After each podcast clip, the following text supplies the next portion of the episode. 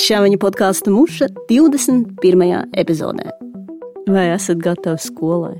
Un to es jautāju gan studentiem, kam būs jāatsāk studijas vai jāuzsāk studijas, arī vecākiem, kuri pamazām, pamazām sāk saprast, ka atkal būs jāsāk celties septiņos, vai sešos, vai piecos, nu, cik nu kurš ir labi organizēts. Bet nu, pagaidām mēs turpinām sapņot par to, ka ir vasara, ir augusts, mums priekšā ir tikai saule un skaistas dienas un atpūta un varbūt pat vēl kāds gabaliņš atvaļinājuma. Runājot par atvaļinājumiem, starp citu, podkāsts mūžs ir stāstu podkāsts. Varbūt jums atvaļinājumā bija kāds notikums, par ko gribat mums izstāstīt. Varbūt patiesībā jūs bijāt kādos vasaras darbos, kaut kur laukos, vai varbūt ārpus Latvijas. Varbūt jūs devāties kādā lāju braucienā, kurā notika kaut kas īpašs. Varbūt jūs devāties nakšņot mežā, un tur notika kaut kas interesants. Varbūt jūs varat pastāstīt par to, kas notika ar jūsu draudzībām pēc šīs vasaras. Mēs gribam dzirdēt jūsu stāstus. Jā, šis ir podkāsts muša, kurā cilvēki stāsta stāstus. To es saku tam cilvēkam, kurš ir uzkli, uzklikšķinājis uz kaut kurienes internetā un nejauši nonācis podkāstu muša linciņā. Nu, labi, tā kā jūs zinat, ko sagaidīt, tie, kas klausās podkāstu mušu, un īpaši sveiciens, protams, māmiņām, kas stumj ratus, un domā par mums un klausās podkāstu. Mūs ļoti ceru kādreiz dzirdēt vairāk stāstus arī no jums. Sūtiet savus stāstus arī mums uz podkāstu mūžu at gmail.com, sūtiet tos Instagram, sūtiet Facebook, sekojiet, laikojiet un šērojiet. Un tadā! Mūsu epizode augsti standarti. Es nezinu, kā jums, zināt, ir tie cilvēki, kur mēdz teikt, man ir ārkārtīgi augsti standarti gan pret sevi, gan arī pret citiem. Es uzskatu, ka šie cilvēki ir debīli. Jo tas nozīmē, ka viņi nomoka paši sevi, visu laiku sev bakstot par to, ka viņi nav gan labi, bet vēl arī čakarē visus pārējos. Tāpēc es esmu cilvēks, kas uzskata, ka standartiem ir jābūt zemiem, tā lai tu pats sev varētu pārsteigt, oh, wow, es nemaz tāda losa neesmu, un arī varētu citi tevi pārsteigt ar to, ka īstenībā viņi nemaz nav tik tīzli, kā tu biji sagaidījis. Tā kā man mīļie cilvēki. Nevajag augstus standartus, vajag maksimāli zemus standartus, un jūsu dzīve būs pilna pozitīvu pārsteigumu. Tomēr daži cilvēki nav iegūši šo mācību, un tie ir trīs cilvēki, kuru stāsts jūs dzirdēsiet epizodē, kas saucās Augsti standarti. Mūsu pirmais stāsts nāk no Lauras Šinkas. Viņa ir brīnišķīga antropoloģija un lieliska komiķe. Un, uh, pagājušajā gadā rudenī izstāstīja savu stāstu. Es ceru, ka Laura šoreiz jūtas daudz, daudz labāk. Viņas bērns arī ir kļuvis lielāks. Es ļoti vēlējos, lai Laura izstāstītu stāstu par mātišķību. Tas nav vienīgais stāsts, mums arī tādi bijuši iepriekš. Jo augsti standarti un būšana par mammu, man liekas, iet ļoti labi kopā. Jo mēs pašas no sevis daudz ko sagaidām. Mēs lasām žurnālus, citu māmu intervijas, klausāmies padomos no tantes kaimiņos, no vecmāmiņas, no draudzenēm, nu, kuras varbūt īsti par draudzenēm nevajadzētu saukt. Un viņas visas rada sajūtu, ka tev kaut kas ir jāsasniedz. Un, ja tu to nevari, ja tu nejūties laimīgi šajā brīdī, vai tu netiec ar visu galā, nu, tu neesi tos augstos standartus, diemžēl, sasniegusi. Bet var arī citādāk. Lauras Šīnkas stāsts - supermāma. Mana pirmā panikas lēkme atnāca pavisam negaidot. Uh, tas bija pirms aptuveni sešiem gadiem. Biju vecmēta balītāja Barcelonā. Jē! Uh, Sangrija plūda straumē, mums bija brīnišķīgs Airbnb dzīvoklis, mēs baudījām karstās vasaras naktis un plūdumā, kad pēkšņi, braucot metro, uh, man palika slikti. Sirds daudzījās kā traka, līdzīgi kā tagad. man palika karsti, griezās galva, grūti elpot, un vienīgā doma bija, kā lai tiek no šejienes pēc iespējas ātrāk prom. Mirkli pirms tam pārējās meitenes runāja kaut ko par uh, mūža ieslodzījumiem. Un, Un turklāt mēs bijām dziļi pazemē. Es nesapratu, kas man kaiš. Mēs izkāpām virzemē, teicu, ka nezinu, ko darīt, un meitenes jau arī neko nesaprata. Sameklējām tuvāko traumu punktu. Tur mūs laipni informēja, ka es varu tikt pie doktora, bet tas maksāšos aptuveni 300 eiro, un visticamāk, apdrošināšana to neseks.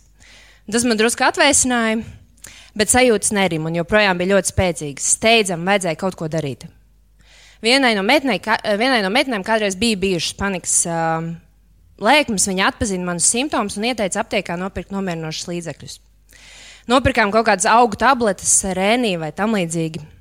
Tikai vēlāk es uzzināju, ka padzeršanās, tabletes, loga atvēršana un citas it kā panikas novēršanas mehānismi patiesībā to tikai vairo.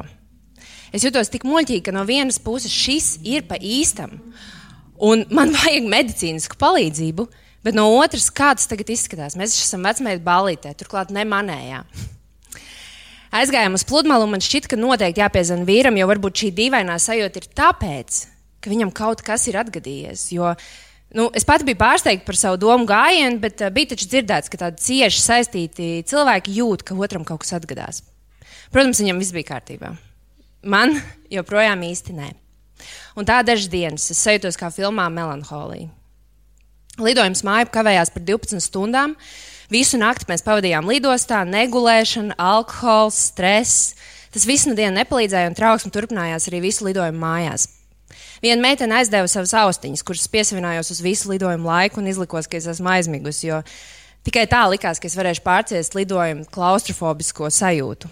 Nē, esmu viņai vēl pateikusi paldies, bet uh, bija sajūta, ka viņa man izglāba dzīvību. Trauksme saglabājās arī pēc atgriešanās mājās, kā tāds sprādzienu bīstams fons. Katram panika iesākas kaut kur citur ķermenī, bet tā ir ļoti ķermeniska sajūta, kuru mēs uzkurinām ar prātu vai konkrētāk ar bailēm.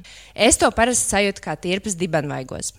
Tālāk tas aiziet uz rokām, un pat tagad šo stāstot, es spēju to spilgt iztēloties nedaudz sagriežas galvu, un tas ir labs signāls elpošanai, ka, hei, kaut kas nav tā, uzmanies, varbūt ir jābēg prom.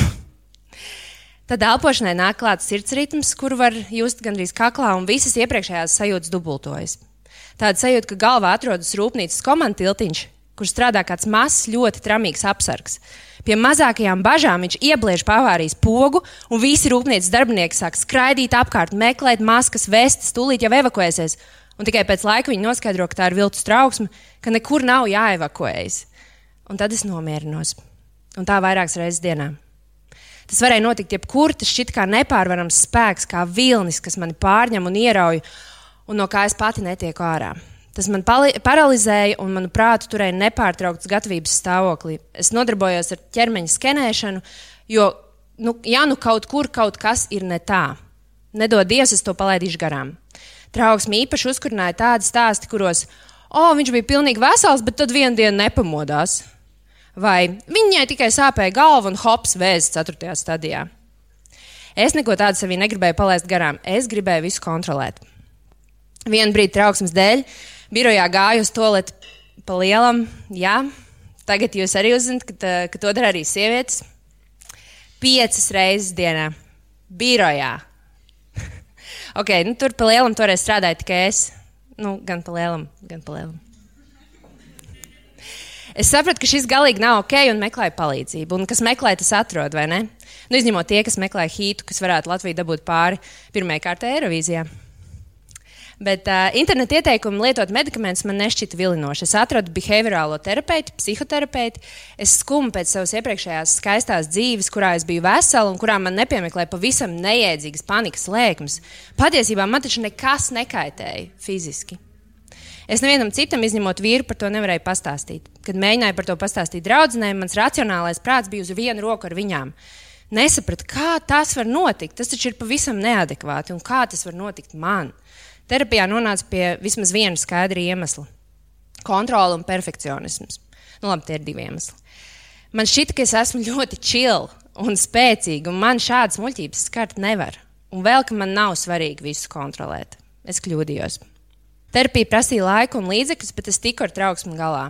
Gan drīz. Drīzāk es iemācījos to pieņemt, un terapijā iegūju rīkus, kurus izmantot, lai tas mazais apsargs manā galvā to trauksmes pogu tik liek, liek nespaidītu. Es sāku rakstīt dienas grāmatu, mēģināju katru reizi, kad nāca paniskās domas, izvērtēt, cik liela ir iespējamība, ka tās ir patiesas, un aizspēlēties līdz galam. Okay. Nu, kas, ja tā notiks? Iemācījos pagaidīt un atgriezties pie trauksmes cēloņa vēlāk. Piemēram, kad darbā sāka drusku peldēt redzi visu dienu sēžot pie datora ekrāna. Tā vietā, lai uzreiz pasludinātu un noticētu, ka viss, es kļūstu akla un domātu, kā es tagad organizēšu savu dzīvi, kur apgūt lasīšanu brailā, Tā vietā es spēju atgriezties pie šī jautājuma pēc 15 minūtēm.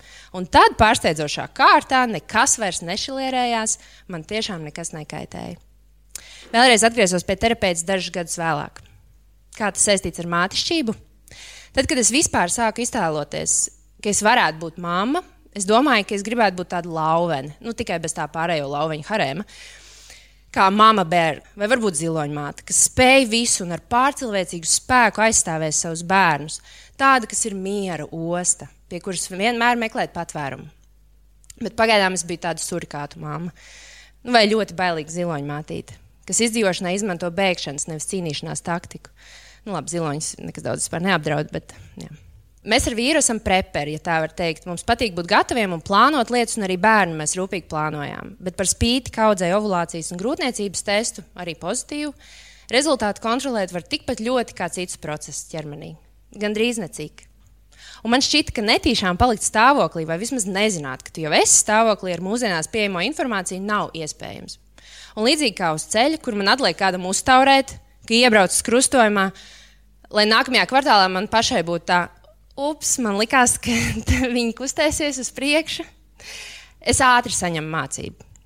Šoreiz tā mācība bija caur ērkšķiem, jo pirmās divas reizes es minūti minūtē zināju, ka es esmu stāvoklī, bet trešajā es sapulcēju sajūtu elpas trūkumu un joku pēc aizgāju nopirkt grūtniecību, ne, grūtniecības, nevis covid testu uh, Rimčikā.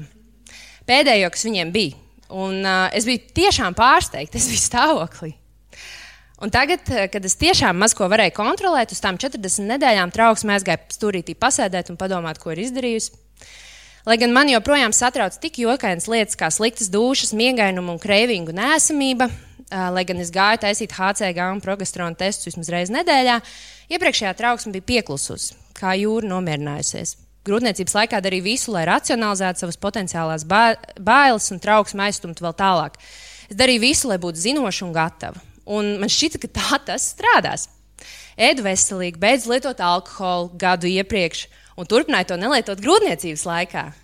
Gāju uz grūtnieču vingrošanām, izlasīju neskaitāmas grāmatas par to, kas sagaidāms konkrētajā nedēļā, un dzemdībās arī par to, kā disciplinēt divgadnieku, kā tas varētu palīdzēt. Bija pirmsdzemdību dūle un vislabākā līguma vecmāte, un tik un tā Tik un tā ar mani notika viss tieši tas, kas dabisko dzemdību sludinātājiem iedegtu pilnīgi visas sarkanās lampiņas. Man atkal nebija nekādas kontrolas. Dzemdības bija jāierosina, mākslīgais oksitocīns, viss kreizī, bet šī sāpīgi. Epidurālā uz mani neiedarbojās ne pirmā, ne otrā. Bet pēc 11 stundām viss atrisinājās, un mans bērns beidzot bija piedzimis. Viņai viss bija lieliski, un tas bija galvenais. Tad pāris nedēļas vēlāk mēs atkal tikāmies. Viņa izskatījās citādāk un bija kļuvusi par jaunu, par pēcdzemdību trauksmi. Mierīgo jūru varēju aizmirst, tagad tā bija klusa vētra man prāta dziļumos. Pelēks mākonis uzsēdies man uz galvas. Tas šķiet neiespējami, man bija viss, ko var vēlēties, bet šito nevienam nevar teikt. Bērns mierīgs, labi guļ un ēd, vīrs ir līdzvērtīgs aprūpētājs, fiziski jūtos lieliski, varu apsēsties, uzēstie kilogrami burtiski kūst. Un bija tik labi bez trauksmes. Ļoti, ļoti labi.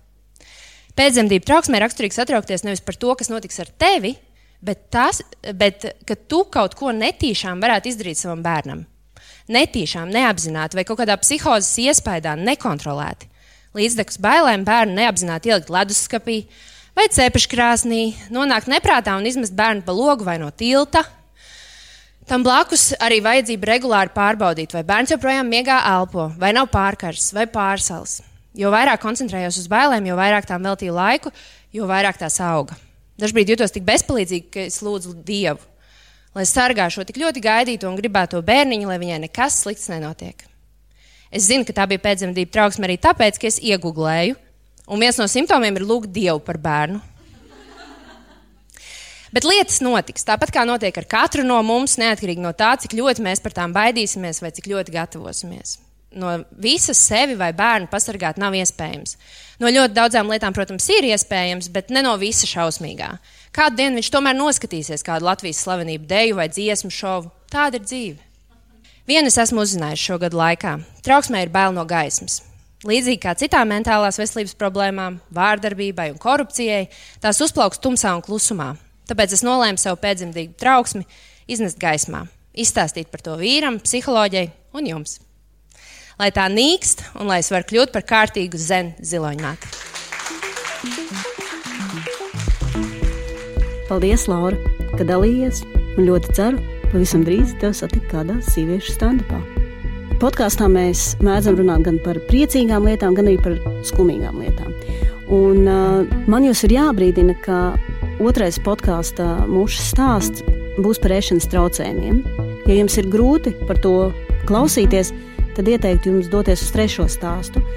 Bet uh, mēs ļoti gribam runāt par uh, ēšanas traucējumiem šajā podkāstā, tādēļ, ka tā ir vēl viena no daudzajām tēmām, par kurām mūsu sabiedrībā netiek pietiekoši daudz runāts. Uh, ļoti bieži to tiek runāts tādā pozitīvā gaisotnē, ka skat, cik es esmu tieva, vai skatieties, cik kilograms viņa ir nometusi, un nestāstot par to, kādā veidā šīs sievietes nomet šo svaru, kādā veidā viņas panāk to, ka viņas ir tik grandiozi, tievas un kaulainas. Un man šķiet, ka tā ir ļoti liela problēma, jo tas rada, protams, to sajūtu, ka visas citas kaut kā spēja notievēt, un tu esi vienīgā tīzlā, kurai ir vai nu jābadojas, vai nezinu, vaiprātā jāsporto, vai kaut kādā veidā nomest šo tā saucamo lieko svaru. Ja jums ir stāsts par ēšanas traucējumiem, noteikti atrakstiet mums, jo mēs gribam par to runāt vairāk. Un um, gribas arī dot ikvienam cilvēkam, kam ir ēšanas traucējumi, nu, cerību par to, ka no šīs situācijas ir izēja. Un te ir Montes Bērziņas stāsts, vēl tikai daži stāvi. Sveiciens visiem! Uh, jā, man sauc uh, Monta, un uh, nerunāšu ne par ko jautru, neko tādu superpriecīgu. Bet es jau varu pačukstēt priekšā nedaudz, ka, ja nebūtu šis stāsts, es iespējams nebūtu šeit šobrīd, bet es varbūt būtu kaut kur citur. Un es uzskatu, ka šis stāsts ir uh, vedis mani tur, kur es šobrīd esmu, pie cilvēkiem, ar kuriem es šobrīd esmu. Stāstu es stāstīšu tagadnes formā, bet uh, tas nenotiek šobrīd. Jo šobrīd man ir 19, bet stāsts uh, būs par uh, posmu, kad man bija 16. Man ir 16 gadi. Es tikko sāku mācīties uh, jaunā skolā. Uh, un uh, pirms mēneša man uh, vairāk speciālisti pateica, tev ir ēšanas traucējumi. Es tam neticēju. Es biju par to dzirdējusi, jā, bet man tagad ir ēšanas traucējumi. Ko tas tagad vispār nozīmē? Es taču esmu normāls cilvēks, normāla meitene, ar mani viss ir kārtībā. Es taču no malas arī noteikti normāli izskatos. Ticiet man, tā nebija. Bet brīdī, kad vecāki dzirdēja, ko pateica ārsts, man ir saruna ar viņiem. Es esmu šokā. Viņi saka, ka man būs jāiet pie terapeita. Bet tas taču nav nekas labs. Tas nozīmē, ka man ir slikti, man ir problēmas, man ir bail. Labi, es aizēju uz šo pirmo reizi pie terapeita. Jauks sieviete, viss ir kārtībā. Viņa neuzdod nevienu jautājumu par ēdienu, nevienu jautājumu par manu fizisko ķermeni. Par, uh, neviens jautājums neizskan par to, ka es sportotu vai kaut kas tāds, bet tas taču ir kaut kas, ar ko es lepojos. Es lepojos ar to, ka es no rīta eju skriet, tad es pēcpusdienā eju skriet, vēl vakarā eju skriet, es ar to lepojos. Es lepojos ar to, ka es pusdienās apēdu trīs salātu lapus. Es lepojos ar to, ka varbūt es brokastīs vispār neapēdu neko. Pat ja mammai pateica, ka es apēdu. Bet, bet man vecāki teica, ka tāpēc es nāku pie viņas, bet viņa man to, par, ar mani par to nerunā. Ko tas nozīmē? Nu, labi, neko. Paiet mēnesis, esmu bijusi uz, ja nemaldos, piecām terapijām. Es esmu sākusi kārtīgi braukāt uz skolu. Visu dienu esmu prom no mājām, prom no vecākiem. Un, līdz ar to labi, es varu ēst, es varu nēst, neviens man nevar izkontrolēt. Labi, es tur skolā pusdienās, nezinu, kaut ko uzēdu, bišķi kaut ko. Bet tad man vajadzētu uzkāpt uz ceturto stāvu, tad nokāpt atpakaļ uz pirmo, lai uzkāptu vēlreiz uz ceturto. Bet ne jau tāpēc, ka man būtu uh, nu, jānosit laiks, nē, nē, nē, man ir jānodedzina tas, ko es apēdu. Pat ja tie bija trīs kartupelīši, tas viss ir jādabū nost. Tas, tas noteikti kaut ko sliktu man nodarīs. Labi, ir pagājis pirmais mēnesis tādā ritmā, pāri pusdienas, ej pastaigā pa trepēm uz augšu, uz leju, aizies, nezinu, uz veikalu Labi, uz veikalu eju kopā tagad ar uh, saviem jaunajiem draugiem. Viņi ir tādi, nu, sportisti. Ko dara sportisti? Sportisti ēd. Viņi nopērk tur būciņas, tur visu, ko es skatos. Es arī tā gribētu. Nē, nē, nē, nē, nē. man ir labi. Man ir labi. Es nopērku savā bolīti vai, nezinu, burkānus uh, maisiņā, man ir labi. Izskan viens komentārs, kas tu zaķis esi. Izskan vēl viens komentārs, tu neko vairāk nēdīsi, tev viss kārtībā, tu slima esi. Es ar jokiem atkritos no šiem stulbiem komentāriem un vienkārši turpinu dzīvot savu dzīvi, man viss ir kārtībā. Viņi nevarēja zināt to tajā laikā, un es viņiem to pilnībā arī piedodu, ka viņi to nevarēja zināt. Nu, labi, ir uh, vakars. Es esmu mājās, atbraukusi no skolas. Uh, Māma sauc vakariņās. Es saku, nē, nē, es neiešu. Paldies, māma, es negribu, es skolā pārēdu. Tas bija pirms sešām stundām. Bet nē, nē, es esmu pārēdusi, es tiešām nevēlos ēst. Un es redzu, ka vecāki saskatās, un viņi nav pārliecināti par manu atbildi šobrīd. Es, es viņus nevainoju, bet es sev iestāstu, ka viss taču ir kārtībā. Viņi neko nedomā, un viss ir labi. Un mamma saka, ej tētim līdzi. Ej līdzi tētim tagad. Es jūtu, ka manas sirds sāk sisties un vienkārši lekt ārā pa muti, bet es izliekos, ka viss ir kārtībā. Es pasmaidīšu, viņi noticēs man, ka viss ir kārtībā. Bet labi, es eju tētim līdzi. Tētis ir jāklaus. Tā kā nav citu variantu. Mēs esam telpā, kur kādreiz strādāja mana oma. Uh, viņa bija farmaceita. Un uh, tur stāv vecie svari, uz kuriem svēra lielas preces, un uz kuriem var mierīgi uzkāpt cilvēks. Un teicis, saka, ka man ir jākāpj.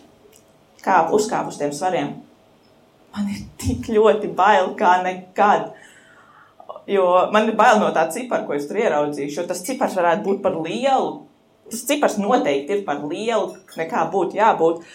Es uzkāpu uz tiem svariem, man man ir bail, es trīcu, burtiski trīcu. Tētis saliek tur visus tos svariņus, varbūt jūs zināt, vecajos doktorātos, eh, kādi bija tie svari. Viņam līdzīgi tāpat bija jāpabīda tur atsvariņi, lai nosvērtu mani. Un es redzu, ka viņas seja paliek vienkārši kā akmens. Es redzu milzīgu vilšanos viņa acīs, un, un es sāku raudāt. Es raudu, es šobrīd raudu, man teka asaras pilnībā pār vis, abiem vaigiem. Es, es vienkārši jūtu jau mutē to sāļumu no asarām, jo, jo es saprotu, ka nav labi, ka es esmu likusi vilties saviem vecākiem, es esmu izgāzusies savā brīnišķīgajā plānā, ka ar terapiju viss būs kārtībā, man vecāki man noticēs, ka es esmu kārtībā, man, es esmu vesela un viss būs labi. Pēc mēneša diviem es tikšu vaļā no tā sloga, kas man tas viss ir un viss būs kārtībā. Man nebūs bail ne no ēdiena, ne no kā, un viss būs labi. Un šobrīd mans plāns ir izgāzies. Mans plāns ir sabrucis, jo, jo tēvs pasaka, ka man būs jāiet prom no skolas, kur bija mans sapņu skola, kurā es šobrīd mācos. Un, jo es esmu izgāzusies. Viņš man to nepateica. Viņš man to nesaka šobrīd, es zinu, ka es esmu izgāzusies pilnībā. Nonāca mamma. Es dzirdu to, ka viņa nonāca, bet viņa nenāk iekšā pa durvīm. Viņi gaida, kad tētis izies un pateiks to. Es vienkārši zinu, ka viņi to dara šobrīd. Un teicis, aiziet, es redzu, teicis, aiziet pie viņas. Un uh, es kaut ko mēģinu dzirdēt, es mēģinu, mēģinu, es nedzirdu. Viņa abi ienāk, skatās uz mani un pasaka, tev ir viena iespēja. Mums nav variantu, ko ar tevi darīt. Mēs esam izmēģinājuši visu, mums nav variantu, tev ir viena iespēja. Tu ej uz skolu, tu normāli ēd, savādāk mēs zvanām klases audzinātāju, lai viņi seko tev līdzi, vai tu ejēsi, vai tu neejēsi. Lai nebūtu entie kilometri dienas laikā. Un lai mēs varam tiešām tev uzticēties atkal ar to, ka tu paēdīsi. Viņi deva man vēl vienu iespēju. Un es, tā ir pēdējā lieta, ko es gribētu izdarīt, likt saviem vecākiem vēlreiz vilties manī. Un es ar sakostiem zobiem veikalā pirku kādus šokolādes batoniņus un arī apēdu tos šokolādes batoniņus. Tie bija pirmie solīši, tādi mazie, mazie solīši, ar kuriem es lepojos. Un mēs varam uztaisīt ātrā matemātiku. Man tagad ir 19, tad man bija 16. Tie ir trīs gadi. Tagad ir 2023. gads. 2023 mīnus 3 ir 2020. Kas notika tad? Tad notika Covid. Daudz teiks, ka Covid bija slikts, viss briesmīgi piekrīt, bet man tas nāca kā lielākais glābiņš. Jo es biju mājās, četrās sienās. Man tur bija jābūt, un es koncentrējos uz citām lietām, es koncentrējos uz mācībām, es koncentrējos uz ģimeni. Un man nebija laika koncentrēties uz ēdienu, man nebija laika koncentrēties uz trako skriešanu trīs reizes dienā, man nebija laika koncentrēties uz to, kā es izskatos, jo man, man nebija neviens, kam izrādīties, man nebija vajadzības, man nebija jāatstāj iespējas es iznācu no Covid kā pilnīgi cits cilvēks. Es atceros, ka bija jābrauc laivu braucienā ar klasi. Mēs nebijām tikušies sešus mēnešus, aptuveni piecus varbūt. Man bija bail, jo viņi man nebija redzējuši tādu, kāda es iznācu ārā. Ka cilvēks, kurš vairs nav skelets, bet kuram ir arī kaut kas apkārt, kaut kur, ka vairs nav dēlis no abām pusēm, bet kaut kādas formas. Un man, ir, man bija tik ļoti bail no tā, Bet man ir prieks, ka, ka man bija blakus uh, mani draugi, kuri man bija pieņēmuši tādu, kāda es esmu, vai kā skelets vai nē. Un, uh, es atvainojos, ka es izmantoju tik smagu apzīmējumu, bet tā tiešām arī bija. Un pēc tam, ar vienu attīstoties uh, manai sadzīšanas dzīves fāzei, Jā, man ir prieks redzēt, ka es atkal atgūstu to dzīves prieku. Es atkal biju skaļā, foršā monta, kur bija gatava runāt ar cilvēkiem, kur bija gatava komunicēt ar cilvēkiem. Un, uh, un jā, es uh, šobrīd uh, tiešām šo savu stāstu redzu kā iespēju pamācīt, nevis kā kaut kādu sodu, ka man bija jāiziet cauri. Nē, tā bija dzīves gudrība, kuru es ieguvu un ar kur es nebaidos dalīties. Jo tā ir nopietna tēma, tā ir aktuāla tēma. Un tas ir kaut kas tāds, ko bieži vien mēs nepamanām, līdz mēs nepiedzīvojam sevi vai savos līdzcilvēkos. Un es jums jūs iedrošinu katru vienu vienkārši paskatīties spogulī un pateikt, ka tu esi superīgs cilvēks, tu esi fantastisks cilvēks un tu esi ļoti, ļoti skaists cilvēks, jo ne jau tāpat vien tu esi nolikts šīs pasaules, tu esi nolikts šīs pasaules, jo tevī ir tā liesmiņa, kas var iedegt citas liesmiņas tālāk, un, un ka tu ar to savu smaidu, ar, ar katru, katru, katru savu ķermeņa daļiņu esi fantastisks. Paldies jums!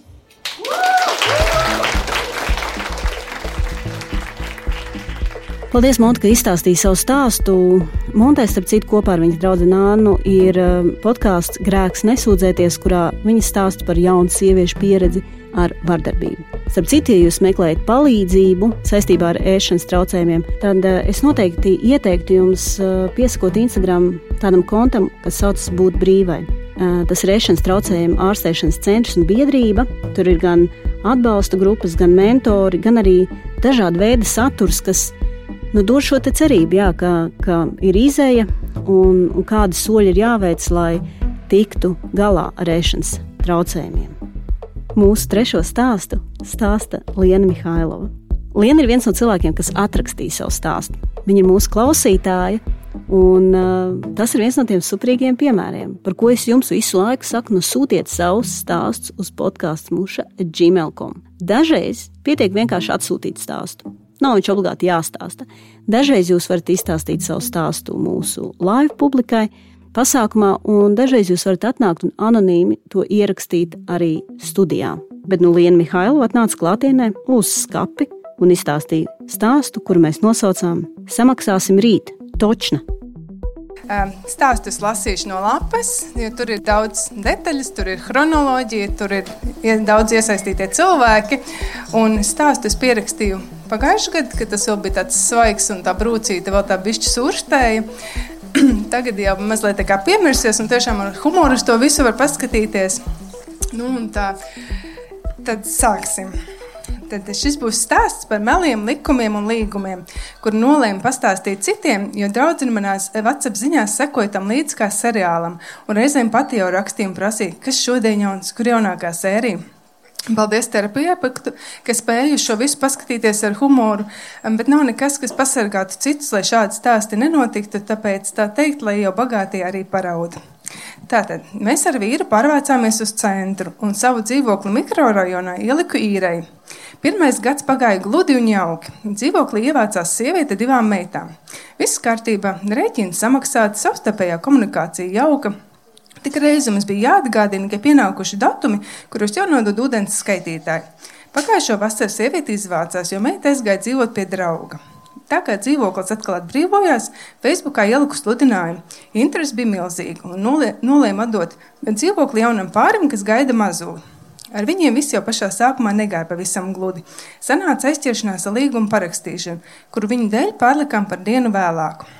Uz tikšanos pāris ieradās ar Rafaelo kasti. Ja tagad zinātu, kā stāsts beigsies, būtu pati viņiem nopirkusi piecas Rafaelo kastes un lai turas tālāk no manis un dzīvokļa. Bet tā dzīvē nenotiek. Dažreiz jāēd garozu un jāsaņem maksas pamācības. Pirmais viņu īres mēnesis, laiks īres un komunāliem maksājumiem. Mēs ar vīru tajā laikā bijām Portugālē, un īrnieks sāka mums sūtīt ziņas, ka mēģinājis skaitīt, bet kaut kas neaizgāja. Tomēr pats bankā noskaidrošot. Man jau tad likās, ka tās saraksts turpu šurpu ir traks. Bišķiņš atcēla traci, un viņa naudu ieskaitīja pēdējā dienā 24.00 no draudzenes konta. Sauksim viņus par āvi un iānu, jo, kā vēlāk stāstāt, redzēsiet, īrst viņiem padodas ļoti labi. Vīrs teica, ka nav ko ņemties, viņi vēl jauni un dumji. Aizbraucu uz dzīvokli sirdsmieram apskatīt, ka nav iznestas mēbeles un izzagts dzīvoklis. Un tur satiku āvi, kas teica, ka nākamēnes alga ienāks Latvijas kontā un viss būs ok. Viņi nesen no UK pārcēlušies atpakaļ uz Latviju un iekrājumi palikuši UK kontā. Jānis tikai smaida. Man smaidīt par šo negribējās ne tad, nekā izrādīsies arī nākamos trīs mēnešus. Laiks skrien ātri. Pienāca nākamā mēneša 15. datums. Aizsūtīju komunālo maksājumu rēķinu un gaidīju, bet trīs dienu laikā apmaksa nesekoja. Sāku jau uzvilkties, tomēr nav kam pasūdzēties, jo vīrs joprojām uzskatīja, ka viņi vienkārši ir viegliprātīgi jaunieši. Pienāca 25. datums, kad jābūt apmaksātai īrei, bet neviens eiro kontā nebija ienācis. Zvanīju īrniekam, bet saņemu čilu attieksmi, ka drausmīgi aizņemts darbs, mājas bērns, ka piesēdīsies pie datora un pārskaitīs. Pagaida diena, divas. Āvis pats atrakstīja, ka tūliņ pārskaitīšot, atbraucis no nakts maiņas, atvainojās, ka neesot sanācis laiks ātrāk. Es jau metu pieklāju pie malas un rakstīju pati pēc pāris stundām, ka naudas vēl ar vienu nav. Āvis man atbildēja, ka esot abērs sievu pasu daļā, kad būšot mājās, tad pārskaitīšot. Kavēšanās bijusi tikai tāpēc, ka alga aizkavējusies. Bijis jābūt 15. datumā, bet redz, nelieši neizmaksāja laikā. No rīta gribējis izņemt skaidrā naudā no UK konta un iemaksāt citadēlas kontā, bet tomēr tad ienākusi alga. Viss būs. Nākamajā dienā godprātīgi atsūtīja skaitītāju bildes un apveicājās, vai nauda vēl nav ienākusi. Protams, ka nav. Tad līdz nākamā mēneša pirmajiem datumiem ziņas gāja turp un šurp. Skaitīs no Monzo konta, klientu atbalstu sazvanīs, saka, ka no ārzemēm var paiet pāris dienas, kamēr viss notiek. Es vēl tomēr biju cerība pilna, ka jāgaida tuvākā darba diena un tad jau būs. Jauna diena, jauna ziņa no āvi, kurš interesējas, vai nauda saņemta. Naudas nav. Āvim radās risinājums, ka šī mēneša īru un aptuveno komunālo maksājumu summu skaitīšot no otra konta. Un tikmēr ir ienāks arī tas maksājums, kas kavējas, un vēlāk piemaksās par komunālo starpību. Jo, jo būs sākušies e, apkuras sezona, un tā starpība varētu būt nedaudz lielāka. Labi, piekritu. Mazliet nomierinājos, jo vīrs arī teica, ja jau melotu, tad pats nerakstītu un nejautātu tik regulāri. Saka, puisis satraucies, ka viņam tā kontā rāda pending, bet man nav, naudas pārskaitījums nav ienācis. Tomēr paradumi nemainās. Pārskaitījuma mēģinājums notika dienu vēlāk, kad pats uzrakstīja, ka tikai tad piesēdies pie datora un internetbankā pārskaitīs. Pusceļā uz internetbanku gan laikam kāds ļoti novērsa uzmanību, jo pēc trīs dienām saņēmu ziņu, ka caur transferu un gau sistēmu, kā viņam ieteicis klientu atbalsts, esot man beidzot pārskaitījis vajadzīgo summu. Iespējams, jūs teiksiet, ka es pats biju vainīga pie notikumiem, kuros nonācu. Tāpēc man jāuztaisa neliela atkāpe skaidrojumam par līgumu. Līgumu uzteikt varu tikai tad, ja īra un komunālie maksājumi nav apmaksāti divus mēnešus. Tas pats norādīts dzīvojamā platība īres likumā, un pie tā arī pagaidām turamies. Es jau apšaubu katra īrnieka teikto un rakstīto vārdu, bet mans vīrs, labestīgs pēc dabas, saka, ka nav ko pārdzīvot, lai arī ar nokavēšanos tomēr nauda būs, bet nebija. Ne nākamajā dienā, kad par to interesējos un nesaņēmu nekādas atbildes, ne pēc trīs dienām, kad Dāvis skaidroja, ka arī šis maksājums esot pending statusā. Nu jau arī mans vīrs sāka savost melu smaku, jo Anglija, lai arī nav Eiropas Savienībā, tomēr nav nekāds akmens laikmets, kurā vajadzīga nedēļa, lai veiktu naudas darījumus. Tikmēr turpināja saņemt nākamos komunālos maksājumus un sūtīt tos kopā ar dusmīgu ziņu, ka lai taču roda risinājumi, jo šāda gaidīšana man nav pieņemama.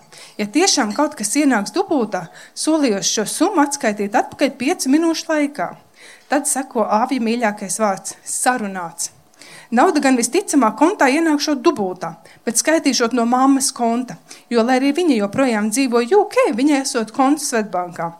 Šim apgalvojumam gan es pat īsti negribēju ticēt, jo arī pašā pirmajā mēnesī kā opcija tika piesaukts mammas konts, bet tad naktī nauda tomēr ienāca no Iānas.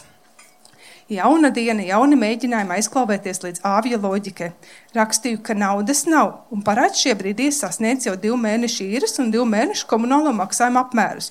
Un ka, ja nauda nebūs līdz 25. datuma vakaram, es uzsaku dzīvokli un lūgšu atdot atslēgas un atbrīvot dzīvokli. Katru dienu pa kādai ziņai šurpu turpinu āvi, un skaidrojums, ka mamma pēc ārsta, kad būs mājās, tad gan visu pārskaitīs. Zvana laikā viņa balss intonācija bija tāda, ka vīrs vēlreiz skatās uz mani un saka, bet varbūt tiešām viņš ir tikai dumšs, nevis ļaunprātīgi mūs izmanto. Pie loģikas pieklauvēt tomēr neizdevās, tāpēc mēģinājām spiest uz sirdsapziņu un lūdzām, lai reāli izstāsta, kas notiek, jo nu nekādas naudas no mātes nav jau cik dienas āvis izkratīs sirdi, ka situācija tāda, ka divus mēnešus neizmaksāja algu, ka nauda esot tikai tā jāskaita no konta uz kontu, un viņi gribot turpināt īrēt, tūlīt pat darīšot visu, kas viņa spēkos, lai situāciju atrisinātu. Mums abiem ar vīru apskrējās sirds, ka mēs esam bijuši tādi nelieši un ģimene mazu gribējām izlikt uz ielas. Āvis piedāvāja nākamajā dienā samaksāt skaidrā naudā, un gan jau mammas pārskaitījums arī būs ienācis. Pārskaitījums nebija ienācis. Uz manu bakstīšanu āvis atbildēja, ka atradis jaunu risinājumu, ka naudu man pārskaitīs vēl nākamajā dienā. Tāda pārskaitījuma, protams, nebija. Un tam sekoja atkal jaunas saraksts un piedāvājums tikties klātienē mikrorajona dzīvoklī, lai samaksātu skaidrā naudā. Kad zvanīju āvim, viņš nesaprot, kāpēc viņu traucēja darbā. Es pieprasīju risinājumu dažu stundu laikā, vai arī es braucu pēc atslēgām. Viss. Āvis esot pārskaitījis, un šoreiz no Barclays bankas konta. Pats esot iepriekš izmēģinājis, pārskaitījis sev uz otru kontu, un viss strādā. Čik, piks, stress, nav gaida naudu. Rīt savukārt viņš saņem šo jauno algu un vēl par jauno mēnesi samaksās, lai taču es nestresojot. Un atkal mēs ar vīru nezinājām, ko domāt. Ja jau pats brīvprātīgi pieteicās maksāt jauno mēnesi klāt abi iepriekšējo mēnešu parādam, lai gan jaunais mēnesis vēl pat nav iesācies, tad jau laikam tiešām vajag ko dzīvot un viss būs kaut kā atrisinājies. Nē, ne rītdienā, ne parītdienā nauda neienāca. Uz maniem jautājumiem āvis piedāvāja risinājumu, ka, ja līdz tās dienas astoņiem vakarā neienāks nauda, tad tiekamies un viņš parādu atdos skaidrā naudā. Mēs varam braukt šajā pat vakarā, bet viņš saka, ka labāk rīt, piekdienā. Pienāca piekdiena. Ziņas no avia nebija. Rakstīju pati un teicu, ka būsim 9.00 vakarā. Tomēr vienojāmies uz 9.30. Vienās brīvdienās bijām redzējuši āvi strādājumu kādā no kafejnīcām Āgenskalna tirgū. Āgenskalns no šī mikrorajona nav tālu. Brauksim un gaidīsim. Kad jau bijām tur, āvis uzrakstīja, ka uz 21.30 nepaspēs atbrīvoties, bet mums jau bija vienalga. Teicām, ka brauksim un gaidīsim, cik ilgi vajag. Jāna arī nesot uz vietas dzīvoklī tagad.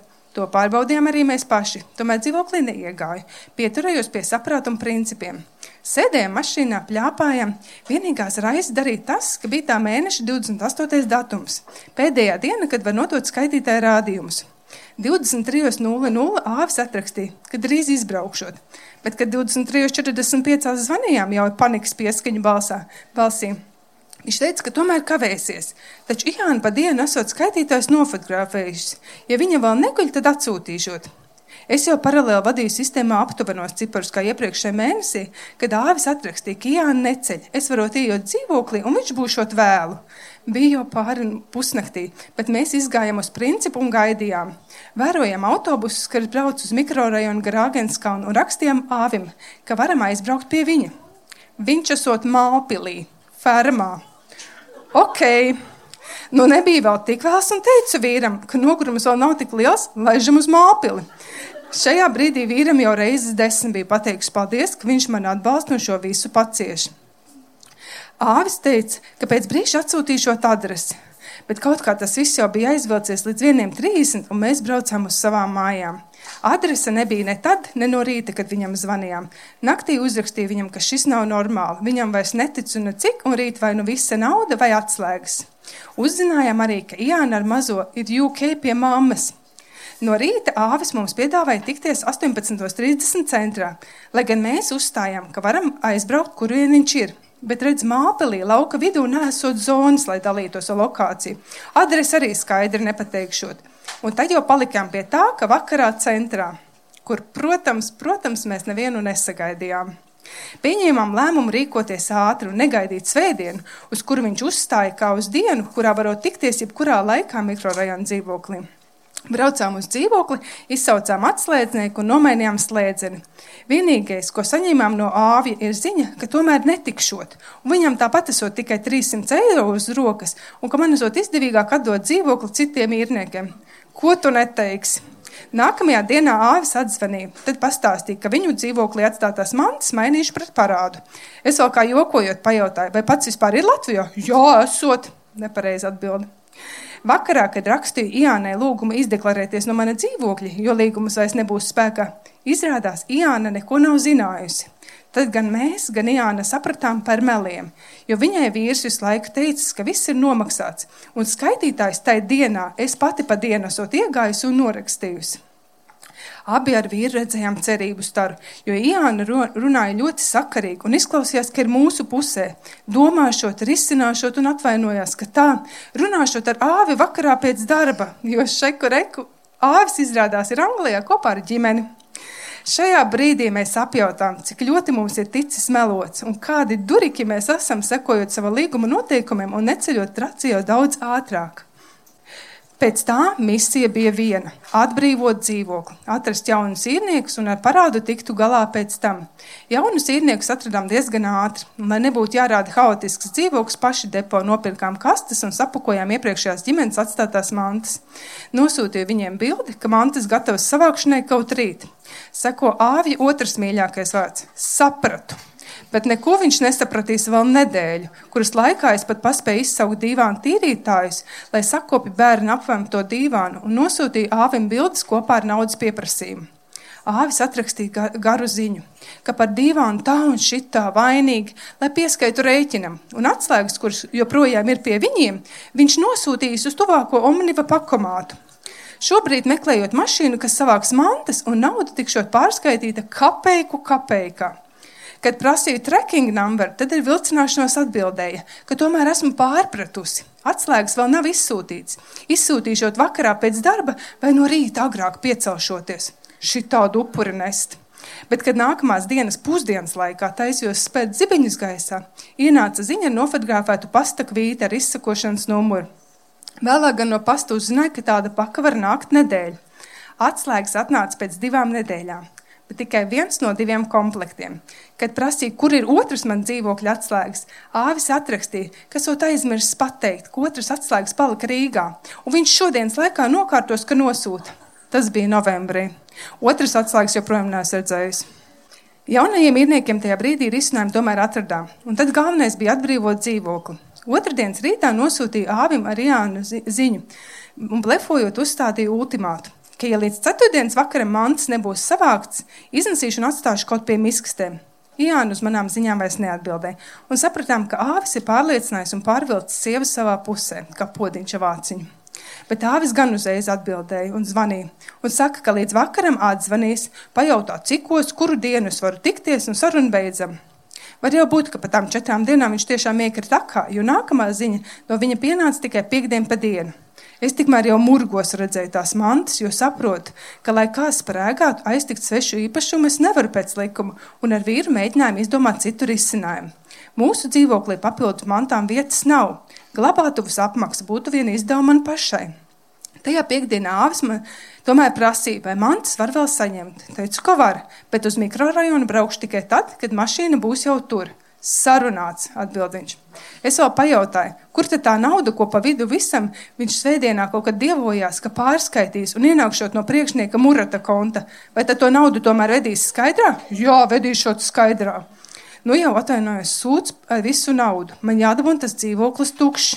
Viņam tur bija dators, un man sirdsapziņa neļauj izdāļot to visu cilvēkiem bez noteiktas dzīves vietas. Piektdiena pienāca un pagāja. Sestdienas rītā zvanīja māsai pēc padomu. Uzrakstījām Āvim un Jānai ziņu, ka tā kā vakar mantas netika savākts, vai tas nozīmē, ka var utilizēt, bet redzieties, nē. Āvis atrakstīja, ka tas cilvēks, kas vakar, kam bija jābrauc pakaļ mantām, viņš esot izsaukts uz darbu. Tālāk tika piesaukts vēl jauns cilvēks, bet es neatkāpos, ka pat ar to cilvēku runāšu vienu pat tikšanās laiku. Numuru man atsūtīja. Bet zvanot, teica, ka numurs neeksistē. Tad saņēmu otru numuru, jo to pirmo varot sazināties tikai WhatsApp. Sazvanījām jaunieti, tikai izrādījās, ka nauda gan viņam nekāda nesot. Nu, bet, protams, āvis man saka, naudu būtu vedis tas cilvēks, kas piekdien, bet viņš netika. Ak, kas neapķērīgi. Spiedām uz to, ka apliecinājumam par jau kādu cerību atbrīvoties no mantām tajā dienā, mums vajag redzēt veids, ka viņš ir ceļā. Pēc divu stundu nervozas lūkošanās vienam uz otru un klusuma telefonā, sekoja ziņa gan no āvija, gan no tā jaunieša, ka izbrauks, bet ne tā kā pirms tam solīja, bet tikai tagad, jo bija jāpieskata bērnu. Labi, ka man nekas cits nav ar ko nodarboties jau divu ar pus mēnešus.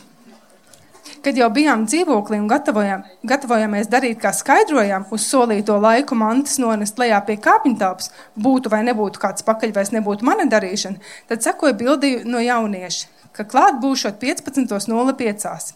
Vai līdz 15.04. es apšaubīju, vai kāds vispār ieradīsies, cik diez man ilgi palikt pie mantām un pētīt, kā kājas sāktās pārcelāt. Kad 15.06. pie kāpņtāps pieripoja mašīna un mans stress pārgāja. Fiziski jūtu, kā nervu gali visā ķermenī nodraba. Vīram sestdienas pasākums ar draugiem bija izjaukts, bet bijām laimīgi, ka dzīvoklis ir brīvs.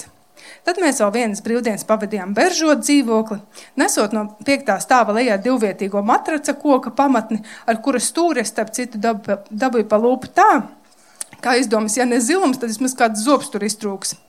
Beigās pasūtījām jaunu matraci, nopirkām dažas lietas dzīvoklim, lai jaunajiem īrniekiem skaists sākums. Virtuvē noliku puķu podziņu mājīgumam un atzinu sev, ka, lai cik riebīgi viņi izrīkojās, es, tur, es tomēr turpināšu ticēt labajiem līdzcilvēkos. Ja mēs dzīvotu āvju ilūziju pasaulē, tad man no viņa šobrīd kontā būtu ieskaitītas piecas liekas štukas. Tomēr patiesībā stāsta pierakstīšanas brīdī tā piesniegums tiesai par parāda piedziņu, kas kopā ar līgumu sodu divānu tīrīšanu, jaunu atslēgu komplektu izgatavošanu, vēl vieniem komunāliem maksājumiem, valsts nodevu un tiesas izdevumiem ir kādas divas reizes lielāks skaitlis, nekā ja viņam būtu pieticis goda prāta, saprāta un vēl kas mums te pārējiem ir, un viņš būtu veicis maksājumu laikā. Paldies! Thank you. Varbūt tu noklausies šo, un īstenībā arī tu esi bijis kādreiz īrnieks no Ēlas. Tā var gadīties. Arī no turienes ir izēja. Un izēja no tā, kur tu esi īrnieks no Ēlas, ir izstāstīt par šo pieredzi podkāstā Muša. Nu ko, podkāstu Muša epizode ir galā. Ja jums patika, lūdzu, laikojiet un šērojiet. Mums tas ir nenormāli svarīgi.